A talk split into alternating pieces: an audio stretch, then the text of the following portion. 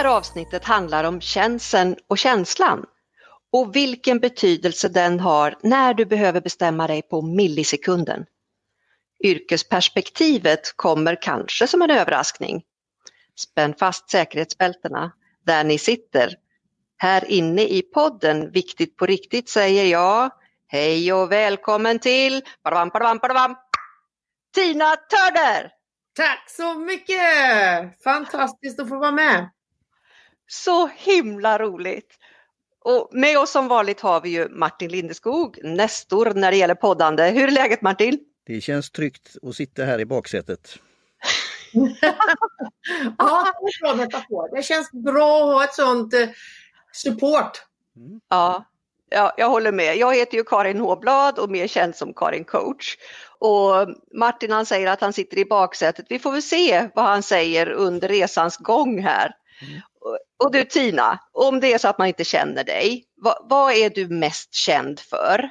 Jag skulle säga att det är mitt eh, kartläseri, kartläsaren Tina Turner som har under 25 år som professionell i motorsporten ändå haft, eh, ja det som har varit mest i media och så är ju den delen utav mig. Ja, och 25 år i, som jag säger, rallycirkusen, för jag har ju läst dina böcker. Och det, det var ju helt otroligt att få, få komma liksom lite närmre det här med rallyn och alltihopa. Men minns du när vi träffades första gången, du och jag? Ja, jag, jag kommer inte ihåg, men jag har hört för mig att det var i Karlstad på något torg, eller du var ute någonstans. Ja, ja jag minns det ju som sådär ristat i mitt minne. För du skulle hålla en föreläsning på Plaza i Karlstad. Och där inne i environgerna så möttes vi och det bara sprakade till. Och då trodde du, kommer du ihåg det? Nej, det kan inte minnas allt. Det är så mycket folk. Men då så frågade du mig, är det du som jobbar på banken, sa du. jag var väl lik någon som jobbar på bank. Och så, så började vi prata och så visade det sig att vi hade ju gemensamt i coaching och i coachutbildning. Det var där vi hade vår första oh, connection. Yes, yes, yes. Nu. Och sen glömmer jag aldrig den föreläsningen för där delar ju du med dig mycket av det som jag hoppas att du kommer att berätta om här. Jag var så superimponerad av dig för du, det var så att eh, tekniken funkar inte men du körde ju ändå.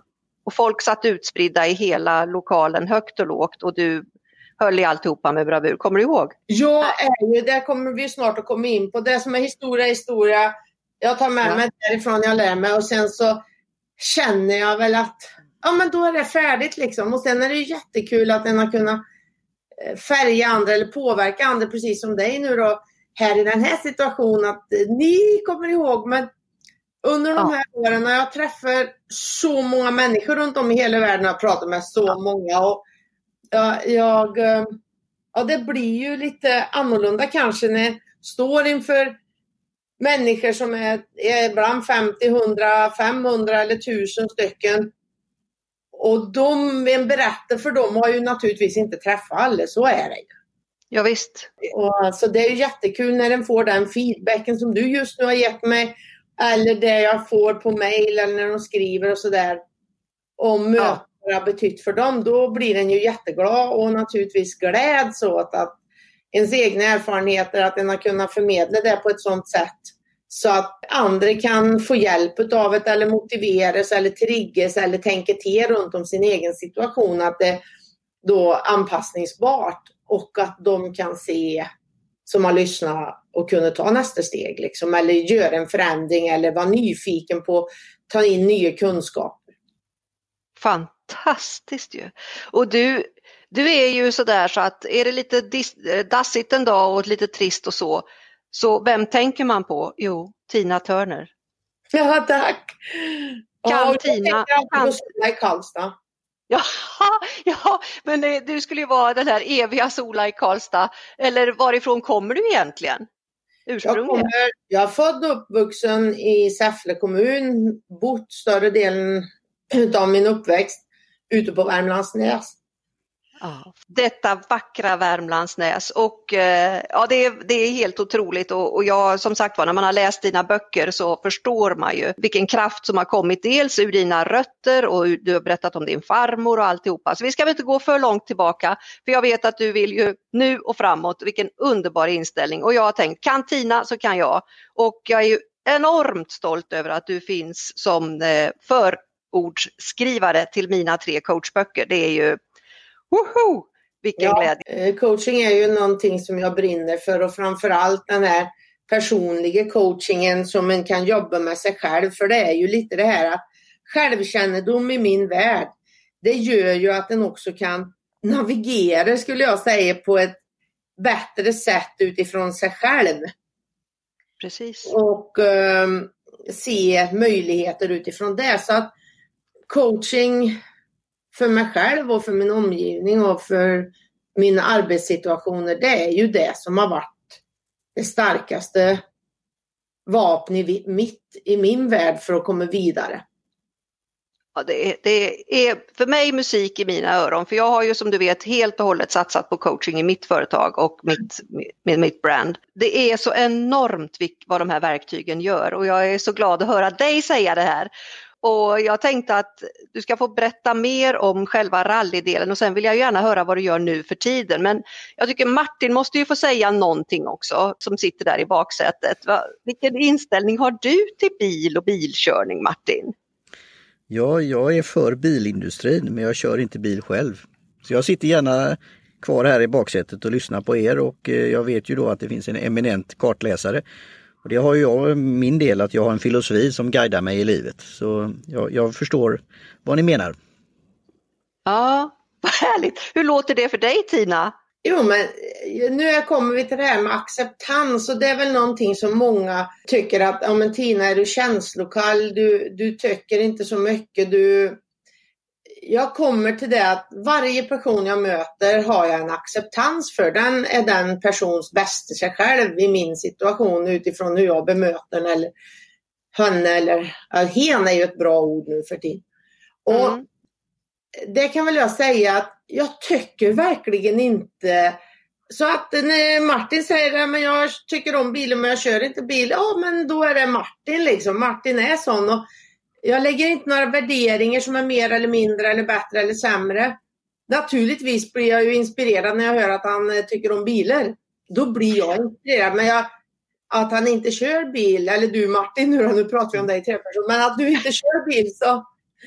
Så att eh, där har ju jag ett mindset som är mot människor jag möter oavsett position och status och rang och allt det här. Och det har väl också gjort att det jag växte upp med var en ska aldrig buga för kapital eller alla människor har, har ett värde.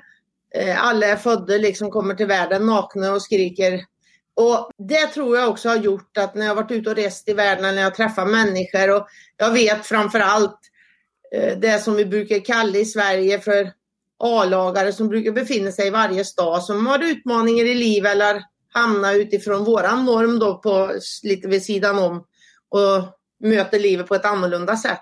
Jag menar, jag har lika mycket stor respekt för dem och jag brukar ju prata med dem för de kommer ju upp och Tina Turner känner ju många killar till och motorsport och det pratas sådär. Och så kom jag ut från ett möte i Örebro och jag hade pratat, hade varit där med kommun och så kom jag ut och så kommer de här, ja det var lite sena pengar och sådär då liksom wow, här kommer min förebild Tina. Och jag gick ju naturligtvis, på den tiden fick en ju kramas då, det var ju innan covid.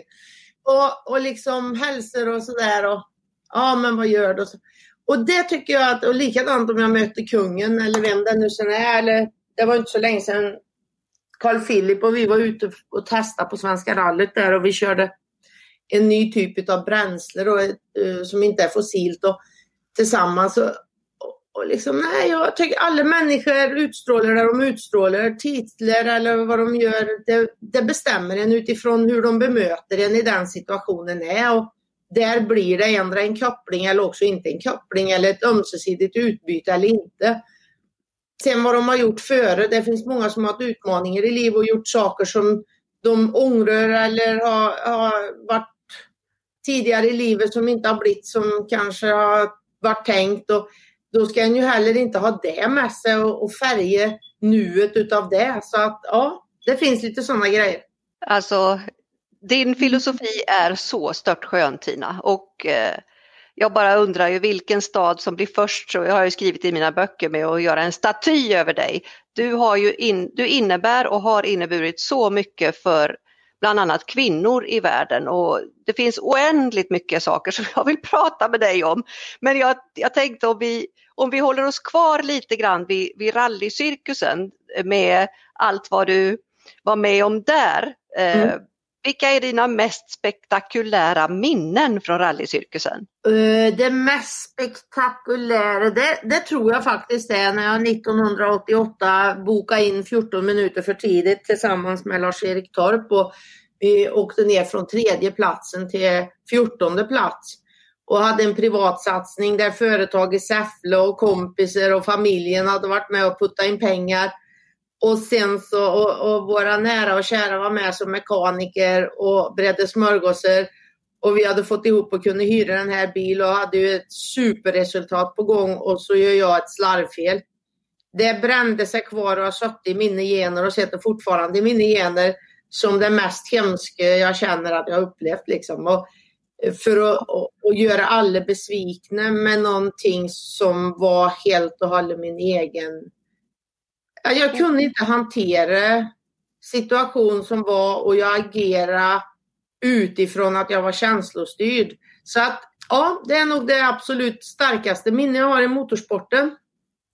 Oj, det var väldigt, väldigt starkt och eh, här kommer vi ju direkt in på just känslan och vad den, eh, vad den betyder för hur vi agerar.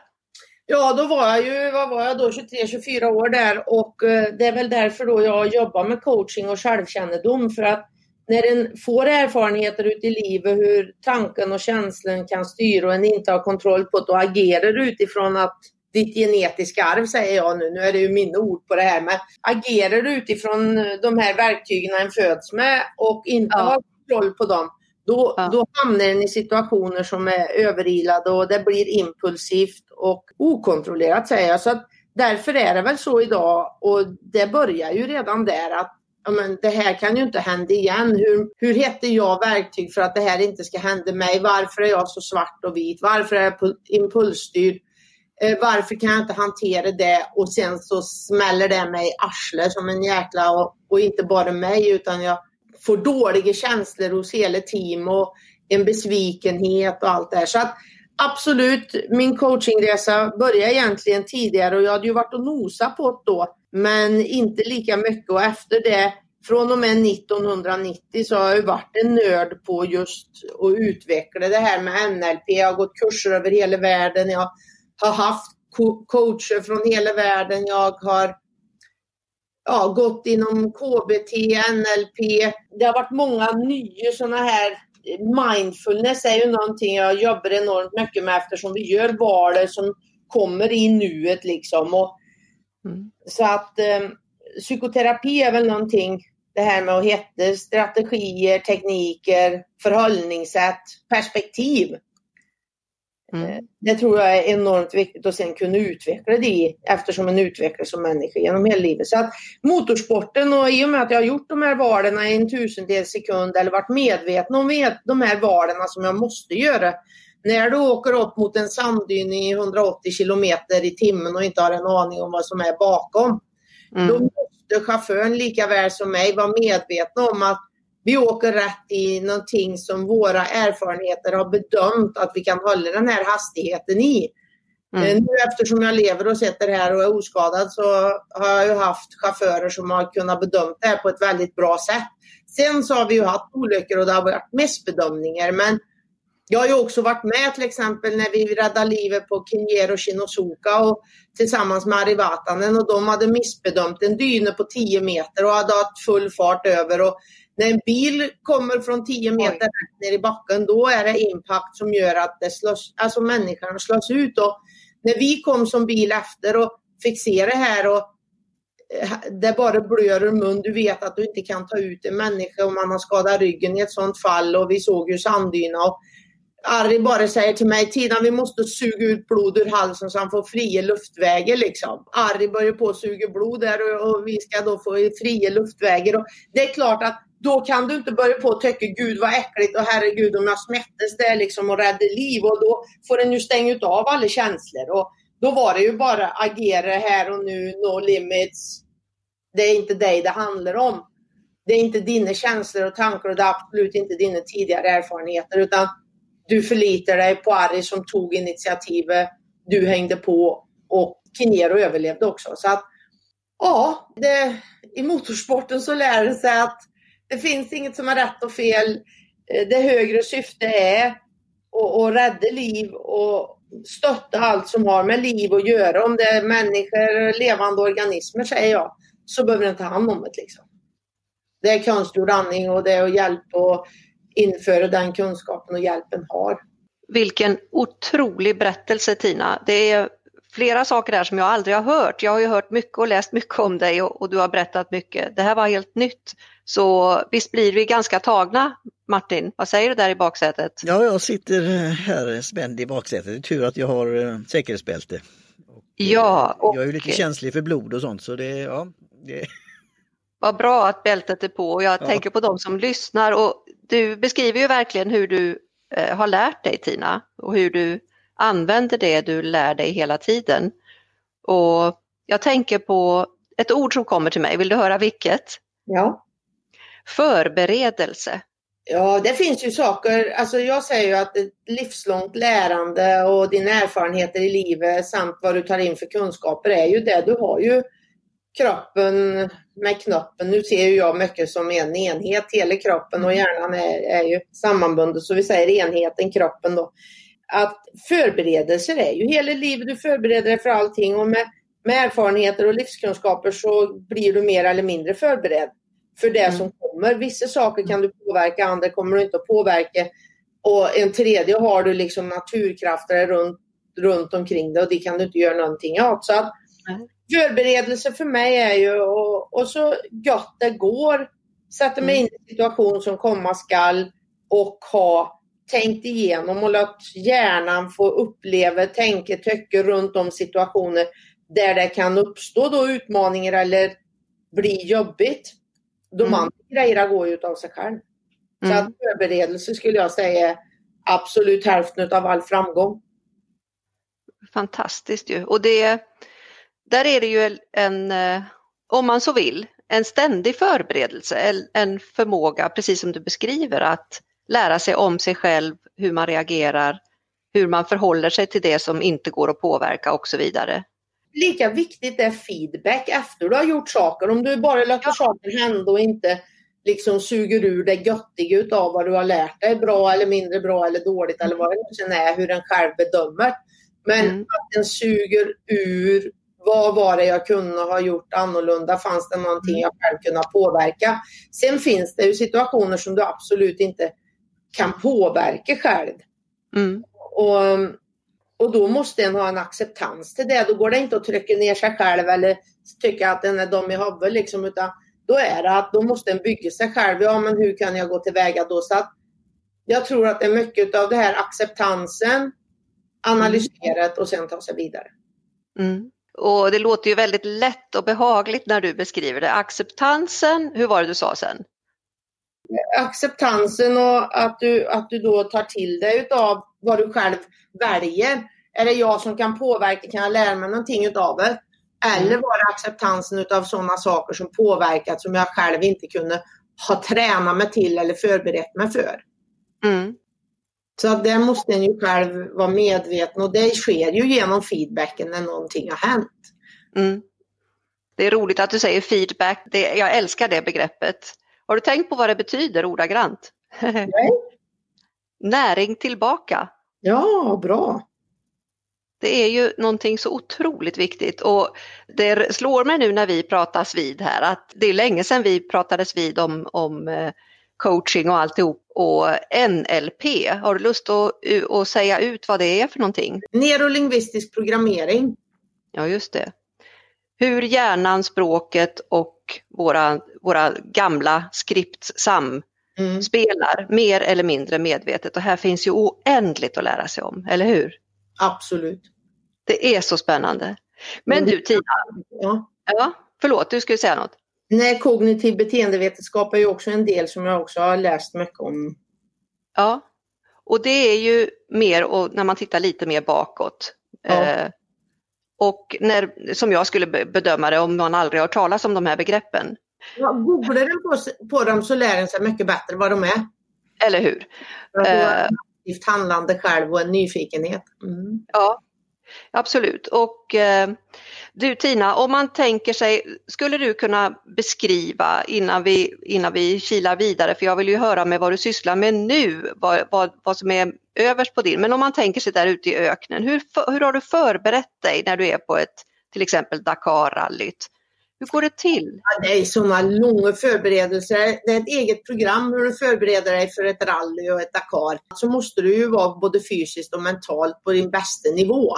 För ja. av. Nu skulle jag säga att Dakarrallyt när jag började åka så var det en tre och en halv vecka med en vilodag. Du hade en snittsömn på ibland två timmar om dygnet och i vissa dygn så körde du dygnet runt. Eh, så det här är ju en extrem situation så att förberedelserna där, ska en summera där så är det top fit, top mental strength liksom. Det är de två grejerna. Du måste ha dem båda två i ordning för att förbereda dig för att kunna hantera allt som kommer i din väg. Oj. Och det här undrar jag hur mycket folk vet om när man bara ser er komma fräsande i bilarna. Jag undrar. Det är nog i allt en gör egentligen. Ju mer fysiskt fit du är och ju mer mentalt fit du är kommer du klara vilken utmaning du än tar dig an mycket bättre. Men mm. framförallt i ett Dakarrally så frågar du mig så är det ju det går inte att ha något halvdant utan det måste vara flat out om du vill vinna det rallyt. Liksom. Ja, oj. Och du, jag vet ju att du har ju delat bil med en, eh, ja du får ju berätta, men eh, du gjorde stort intryck på den muslimska världen, stämmer det?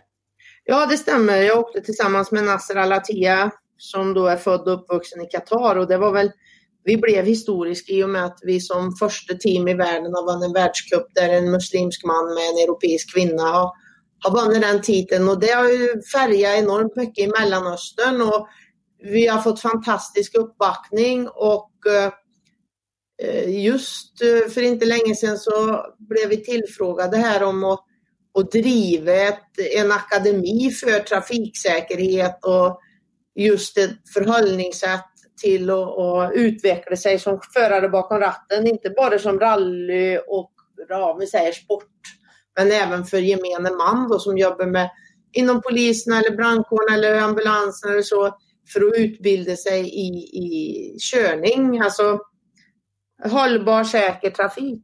Så att Visst, naturligtvis har vi fått, eller jag har fått en acceptans i Mellanöstern för de här frågorna och blir tillfrågad om sådana här projekt där borta. Så att eh, ja, det finns mycket bra som har kommit ut ur den, ut, utifrån vårt samarbete, inte bara tävlingsmässigt utan för att få andra vän, människor att se nya möjligheter och växa som människor. Eh, och framförallt då kvinnor i de här delarna av världen som vi ser nu går allt snabbare mot en förändring och det sker mycket positivt. Men det en aldrig får glömma och som vi kanske glömmer bort, det var ju, vi behöver inte gå längre tillbaka än min mormor som gick med vad jag kallar huckle på huvudet för att hon hade en bon, eh, huvudbonad när hon skulle ha på sig när hon skulle ut. Mm. Det är inte alls länge sedan och så tycker vi att ja, men de som springer med huvudbonad i den här världen och Ja, vad gör det egentligen? Ja, man har en sol och 50 grader som steker på huvudet hela tiden. Skyddar du inte huvudet? Vi har ju kapsor och mössor och solskyddsfaktor. Ja, men det fanns inte ute i öknen. Liksom. Och det finns många funktioner som vi kanske har glömt bort varför de har kommit till och varför vi har förändrat. Och sen att vi har, om vi säger att det har knutits till religiösa tankar och, och, och förklaringen kanske inte alltid är det som är riktiga orsaken till varför saker och ting sker. Så att det sker en förändring där. Det sker mycket snabbare än vad det har gjort hos oss. Och vi har ju förfrågningar på det här och de vill få en snabbare förändring. Så att absolut allt vi gör där vi skapar acceptans, förståelse och visar på möjligheter gör ju att andra ser det och hänger på och det går snabbare. Det är ju helt underbart och när, man, när, man, eh, när jag tänker på dig så tänker jag alltid på fart. Fart och fläkt, det sitter inte fast utan bara vrum så, så kör du Tina. Och mm. Det är ju i allt du gör och det här är ju helt otroligt spännande att höra hur, hur din eh, rallyerfarenhet förflyttar sig till ett samhällsengagemang. Och, och, vad gör du? Jag har ju sett en massa vad du håller på med nu, men vad vill du berätta om av allt du gör just nu? Ja, det, det finns ju mycket precis som du säger, men framförallt och kanske mitt största samhällsengagemang är ju att jag har jobbat med ett CSR-projekt som jag finansierar som heter Your Academy som är, ni kan säga ett eh, educational Spotify, ett utbildnings-Spotify. Där du också ska kunna få människor som ska kunna skapa sig möjligheter till att tjäna pengar på sin, sin akademiska kunskap. Eh, ute i världen där det finns, nu pratar vi inte Europa, men det finns en stor del av våran värld eh, utveckla, eh, utvecklingsländer och, och de behöver utbildas snabbare än snabbast om vi ska få en delaktighet med våra 17 globala mål för att nå de här nivåerna så att vi kan behålla en något sånär hanterbart klimat i stora delar av världen. Det är väl kanske vår största utmaning för framtiden som mänsklighet. Och ehm, ja, så där är det. De här sakerna är väl genom då Your Academy och öppna upp för en, en, den här typen av utbildningsplattform så det jobbar jag, nu är det inte, det så mycket jag eftersom det är kodning. Jag anlitar konsulter och jag ser till så att jag får in pengar så att jag kan betala dem och utveckla. Så att, sen så är det ju användare själva som sprider och nyttjar liksom. Och här talar det som jag ju ofta kallat dig som drottningen Tina Turner, alltså du är ju en världsmedborgare som eh, vi har svårt att förstå hur, hur mycket du gör för världen. Ja, jag tror nog att när den har varit ute och rest i världen och sett allt det här och sen har inte jag någon egen familj och egna barn så att det innebär ju då att en tittar till de högre syftena och vet att en snart ska dö och för varje dag så är det en dag mindre i jordelivet och vad vill du då åstadkomma mer än att bara mjölka kon om vi säger att moder jord är kon och, och du, du mjölkar den så behöver den också föda kon på något sätt. Och alles bidrag kommer ju att göra skillnad som blir skillnad. Och mitt bidrag med min passion för utbildning och tron på utbildning och det här med världsmedborgarskap och öppna upp för ungdomar i en tidig ålder och kunna vara med och, och, ha utbyten som gör att de själva inspireras och triggas till att vara delaktiga. Det är ju absolut det som jag känner att jag vill vara en del utav och väljer aktivt och, och finansiera och nu nästa skede faktiskt har fått en uppbackning från Värmland. Ja, det här företaget Global Education Sweden AB som, som äger plattformen och gör det här, de eh, har nu fått stöd från Provecus som är ett team utav konsulter som gör en affär, ett affärsupplägg och ett pitchdeck för investerare och så. Så att det här ska kunna sprida sig. För vi har fått förfrågningar nu från framförallt Afrika och bidra och hjälpa dem. Så att det är ett projekt som jag hoppas jag ska kunna vid sidan om, för det här är ju min hobby och kunna ge pengar till det så att de här konsulterna och kodarna och människorna som, som då kan nyttja får möjligheter att, att använda det. Så att ja, det är mitt största, om vi säger den kom, det kommande halvår och tack till Värmland då som, som vill stötta ett eh, Säfflebolag där så, till att göra det här. Så att, um, det är inte bara jag som bidrar då med ekonomi i det utan förhoppningsvis andra också så att plattformen ska få växa. Solen i Säffle hör jag. Ja, Tina, jag blir alldeles rörd och eh, sådär så jag får hålla i mig verkligen när du berättar om de här sakerna. Och, och där du sa det här, jag undrar om lyssnarna verkligen tog in vad du sa om utbildningen Spotify. Kan du berätta det en gång till? Det här är så stort så det är nog svårt att förstå tror jag.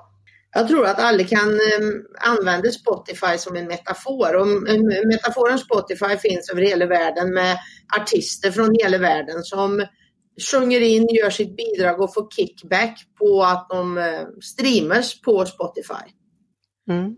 Samma upplägg är det på plattformen. Även nu om vi eh, ger eh, digitala utbildningsföretag möjlighet att kunna marknadsföra sig där med sitt, sitt content så får alltså egna lärare eller om det är elever som vill göra upplägg runt de 17 globala målen eller vad det är och sen vill sälja sina lektioner eller pedagoger som vill sälja sina lektioner och då kunna skapa sig. Det kanske är så att det finns fantastiska pedagoger som sitter i Uganda och gör material om Uganda som skulle vara mycket roligare för ungdomar här i Sverige och lära sig om Uganda och utmaningar. Ungdomar som kan ta kort med digitala och berätta om ja, men hur går vår källsortering till Uganda eller hur gör vi med vår avföring. Vi tycker att ja, men det är helt naturligt att vi har toaletter och det försvinner bara i avloppet. Nej, det är inte så naturligt. Om man bor i en by i Uganda, liksom, då har en en spade över axeln och får gräva ner skiten. Alltså, det kanske är mycket mer påverkande när elever får ha det utbyte med elever och får se den riktiga vardagen istället för att läsa tryckta böcker om det. Så att, eh, ja, det är det. Oh, wow! Eh, vad säger du Martin i baksätet? Jo då, är, jag är ju för nya medier så det, det, det låter bra. Så det, ja. det, finns möjligheter och det är ju att kunna den positiva spridningseffekten då. Och sen kunna ta till sig det då eh, på olika sätt och ha en, ja, fundera över det, ha en diskussion och föra det framåt. Det är helt otroligt och jag, jag hör dig säga hur du det låter som att du Tina vill att det ska sprida sig liksom organiskt, att användarna är de som får det här att verka. Absolut, absolut. Jag tänkte på, ja, det är faktiskt en fråga som jag har tänkt på när jag för länge, länge sedan innan vi hade lärt känna varandra och jag såg dig på tv och så och eh, du stod där i sån här rallydress och alltihopa och så tänkte jag oj, oj, oj.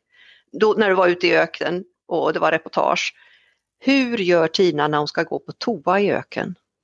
Ja, det är inte så svårt. Det alla får acceptera att den drar ner overallen och sätter sig liksom vart den sen är. För att ska du försöka springa iväg i öknen för att dölja behov, då kan du springa fler kilometer liksom. Och det går ju inte så att eh, vi är väldigt accepterande just att du har en spa över axeln om du behöver det. Eller också ja. så sätter du dig bakom dörren och på din sida och så gör du dina behov och det är en acceptans för det. Så att, eller då om vi sitter på sträckor, alltså väljer en ju då att åka med blöjor så att vi kan ju inte stanna. Ibland så åker vi ju kanske 6-8 timmar och har du då en dålig mage så behöver du ha blöjor liksom. Hand om den när den kommer till mål. Ja, det är, det är intressant. Det är sånt som jag aldrig har vetat. Hur, hur går det till egentligen? Du Tina, det, det som du sa att det här med den här enormt stora plattformen och, och de tankarna med ett lärande över hela jorden, mellan generationer, mellan businesses och som kommer från en, en solig tjej i Säffle på Värmlandsnäs. Du sa att det var din hobby. Vad är din huvudsyssla? Min huvudsyssla sedan flera år är ju då att jobba med någonting som heter FIA Smart Driving Challenge. Det ja. FIA är alla motorklubbers intresseorganisation. Ja. Federation International Automobil. Och eh, den organisationen har då bestämt att de vill göra ett tävlingsupplägg för alla som kör bil i världen så att de ska kunna koppla upp det och få en medvetenhet utav hur du faktiskt genom beteendeförändring kan vara med och sänka ditt CO2-utsläpp men också köra säkrare för att minska bilolyckor. Och här i Sverige diskuterar vi och vi lägger ner miljarder på att göra dubbelräckte för 300 dödsolyckor i trafiken. Men jag sitter och jobbar med, om vi nu kommer tillbaka till Sydafrika, där de har 16 000 medvetna olyck, alltså dödsolyckor på, på människor i trafiken och framförallt ungdomar. Så att eh, när vi jobbar med FIA Smart Driving Challenge så jobbar vi i 180 länder och jag är då Race Director för det här initiativet. Och är enormt stolt att jag har fått det förtroende och det uppdraget. Det växer. Nu i höst, i och med pandemin här nu så, så hade vi ju då under fem veckor var möjligheten för oss att köra det här. Vi började i vår men när ingen visste någonting om pandemin så, Sofia gick ju in och stay home, stay safe. Och det gällde även vårt mästerskap. Eh, så körde vi fem veckor. Då hade vi, eh, vi hade deltagare från 26 olika länder och vi hade ett snitt på att få ner, eh, öka trafiksäkerheten med nästan 40 procent gjorde de i snitt. Blev mycket säkrare eller minska risken för att vara med om en olycka när de körde under sin, sina körningar. Och 17 procent minskar de CO2-utsläppen med. Wow. Eh, om vi nu tittar på att vi säger att vi behöver sänka då fram till 2050, eller vad är det, 2030, förlåt, 2030 ska vi sänka då alla CO2-utsläpp med 50 procent. Ja, kan vi i alla fall då i bilkörning kanske få ner det med 17, 20, 25 procent så bidrar ju det i alla fall då i våra normala förhållningssätt till hur vi kör våra bilar genom att bara tänka på hur vi gasar och bromsar, rullar, håller hastighet och, och följer med flow, är vaken, registrerar saker och ting tidigare, inte sitter och håller på med telefoner eller ofokuserad bakom ratten. Så, så kan vi faktiskt göra det. Vi kör både säkrare och minskar CO2. Så det är mitt, mitt huvuduppdrag. Det som är jättekul är att eh, de som har bestämt sig för det här är också Karlstad kommun eh, med mm. hemtjänsten. Så hemtjänstens alla 550 medarbetare kommer under en 12 månadersperiod och jobbar med Eh, smart driving, alltså i sitt sätt för framförallt kompetenshöjning men på ett, ett inspirativt och eh, tri, triggande och motiverande sätt skaffa sig kunskapen under sin körning. Då. Precis som ett coachande ledarskap men bakom ratten som är deras arbetsverktyg. Som eh, jag är enormt stolt över att de satsar på den personalen som använder bilar så mycket och vill ge möjligheter till var och en av de här att utveckla sig inom det området. Så att på ett, då ett hållbart och eh, naturligtvis, eh, vad ska vi säga, högre syfte för att vara delaktig i den här förändringsprocessen där vi allihopa behöver gå i, i bräschen för att vara förebilder för att vi faktiskt kan göra någonting i varje dag med allt vi gör. Vad underbart att du berättar det här. Det här är ju sånt som man annars inte vet. Jag visste inte det här. Helt fantastiskt. Vilka fler hemtjänster i Sverige skulle kunna ha glädje av det här? Alla hemtjänster i Sverige kan ha glädje av det.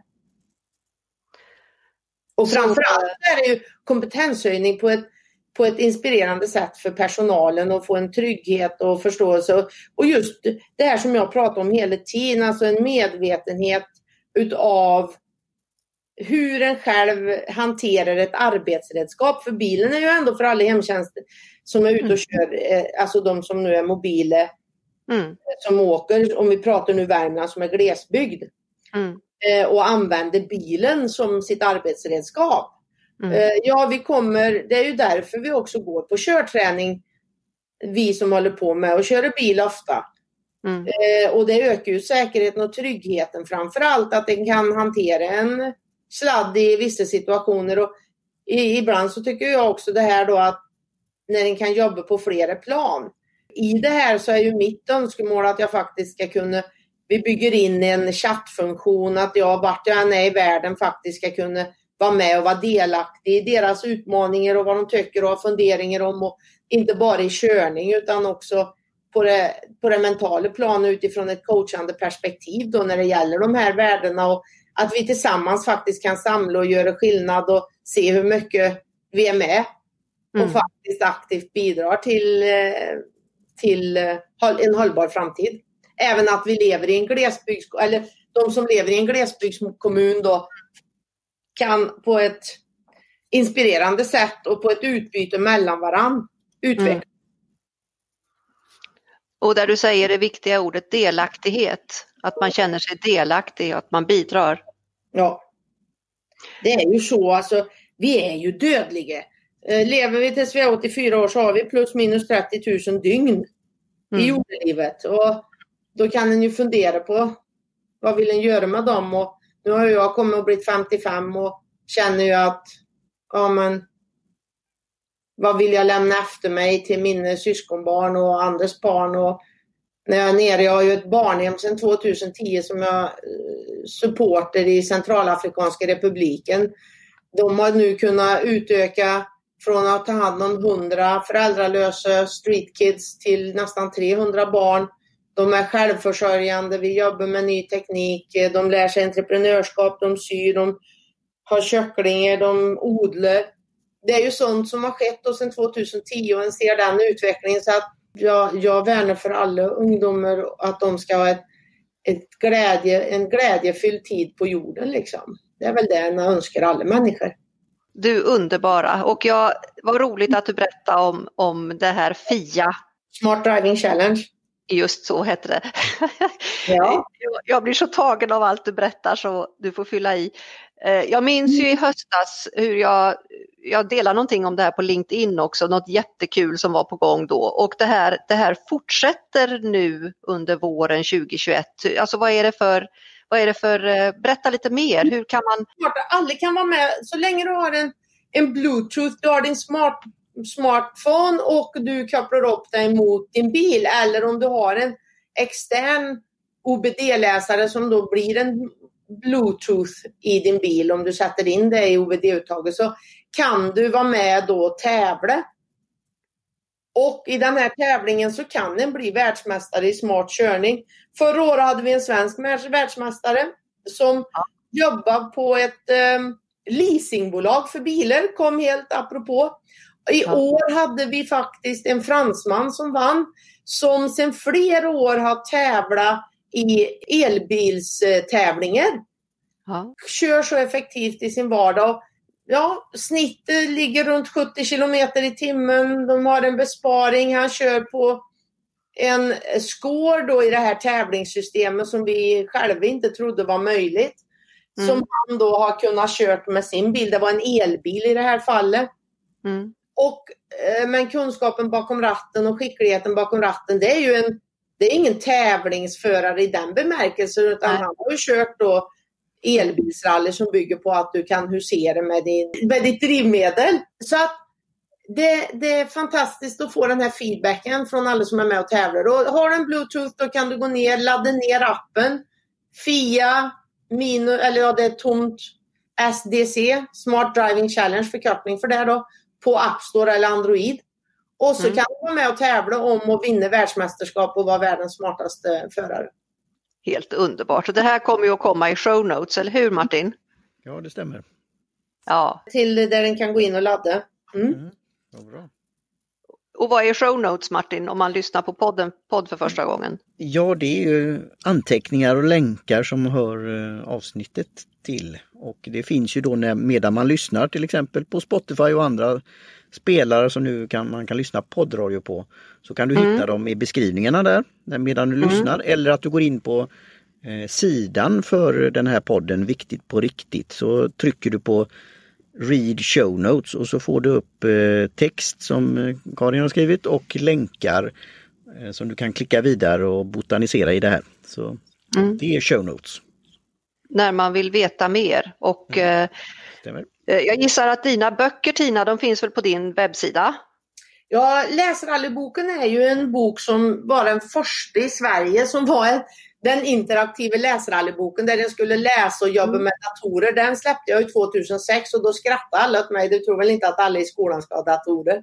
Ja, 2006 mm. så hade akademin en helt annan inställning mot vad ja. de har idag när lektionerna till nästan 100 procent sker över digitala medier. Så yes. det är ganska roligt att det har varit ute så tidigt. Så det är en läs, en bok för ungdomar ja. tillsammans då med faktiskt verktyg för att uh, jobba med sin speedreading, studietekniker, men också mm. läsa om historier från hela världen. Den andra boken, eh, den kan en beställa. Nu har jag inte så många exemplar kvar, jag har inte tryckt om den. Men mm. här under 2021 så kommer min nya biografi ut. Eh, som heter Vägval i 180 faktiskt. Och den wow. ges av Ideal. Oh, wow! Finns den inläst Tina? Den kommer att finnas inläst av mig när han kommer ut, ja. Oj! Ja, alltså vad mycket kul vi har att se fram emot och vad mycket som går att påverka och göra och take action Absolut, det finns inget annat liksom. Man kan inte gå och bara prata. Gör en ingenting så blir det ingenting, sa farmor. Och det har jag tagit fasta på. Och likadant så kan jag det, det blir lite spännande här nu då. Vi får se. Jag har ju också haft förfrågningar om att göra en tv-serie på mitt liv. Så kanske under 2021 går det igenom också då så att det blir en tv-serie. Om mitt Oj. liv. Så vi får Oj. se. Vi får hålla tumra för det. Så alla som lyssnar tumra för att, vi får, att de får till den finansieringen. Jag håller tummar och tår och vi är många som håller tummar och tår för det du bidrar med i världen och hjälper oss andra med att våga lyfta fram, plocka ut, sätta i rörelse, take action. Tina, du är en jättestor förebild och det är en sån ära att få ha med dig här i podden. Och vi brukar ha, Martin och jag, en liten äggklocka på en kvart för att för att inte vi ska prata för länge och sitta och bli saggiga som jag brukar skoja och säga. Att få lyssna på dig är en ära och vi har inte haft någon äggklocka idag. Är det någonting mer som du känner att du gärna vill berätta för lyssnarna? Nej, jag finns ju på hemsida och jag svarar på alla mejl. Så är det frågor och funderingar så är det bara att skriva. Och nu kan den ju göra hur många digitala samtal som helst. Så att, ja. Det är inga, här är vi öppna, no limits, 24-7. Så då är det bara de hör av sig om det är något mer som skulle vara av intresse. Men jag tror också när boken kommer ut går den också att läsa och se och få förståelse och kunna ta kontakt med mig utifrån den. Så att eh, jag hoppas att den också, den, ja det handlar om mitt liv men det är också, nu om jag får till det här, det är ju Mondial som styr lite i den också så att eh, vi får väl se. Jag i alla fall tillsammans med Anders Nilsson som har varit min, han kallar sig för skrivcoach, så har vi försökt att gjort vårt bästa och nu har vi fått feedbacken från Mondial så att eh, vi ska jobba här under den kommande månaden och sen får vi se hur det här som vi skrev upp från början och jag ville ju ha mina reflektioner under varje kapitel och boken och det vill de ändra på. Så, att- och bara skriva en bok när en har gjort det, en tycker att en skriver ner allt som en kommer ihåg och hur den har påverkats och vad som har påverkat en. Och jag kände ju att jag ville göra boken som en inspirationsbok och att den faktiskt då kan ha en som lite coachingbok också. En Mm. känner igen sig i olika saker. Men, så vi får se hur den blir. Jag, nu får vi feedback, får vi jobba utifrån det och så, ja. Jag tar, ni vet ju, jag sa ju det redan i början.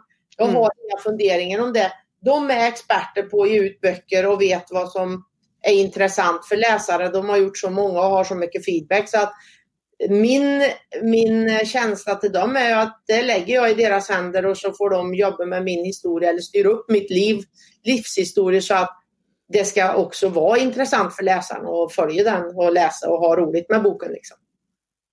Fantastiskt. Underbart att höra och jag längtar efter att få läsa den boken Tina. Och Martin, har du någonting mer som du vill tillägga? Nej, det har varit väldigt intressant och givande att lyssna på er här. tycker jag. Och jag ser fram emot eh, den här boken och andra saker också, även de här plattformarna. Så det Ja, blir kul att guida sig här och, och kartläsare. Jajamän, tack så mycket Martin. Tack. Och tack Ja. också till dig Karin, det har varit fantastiskt.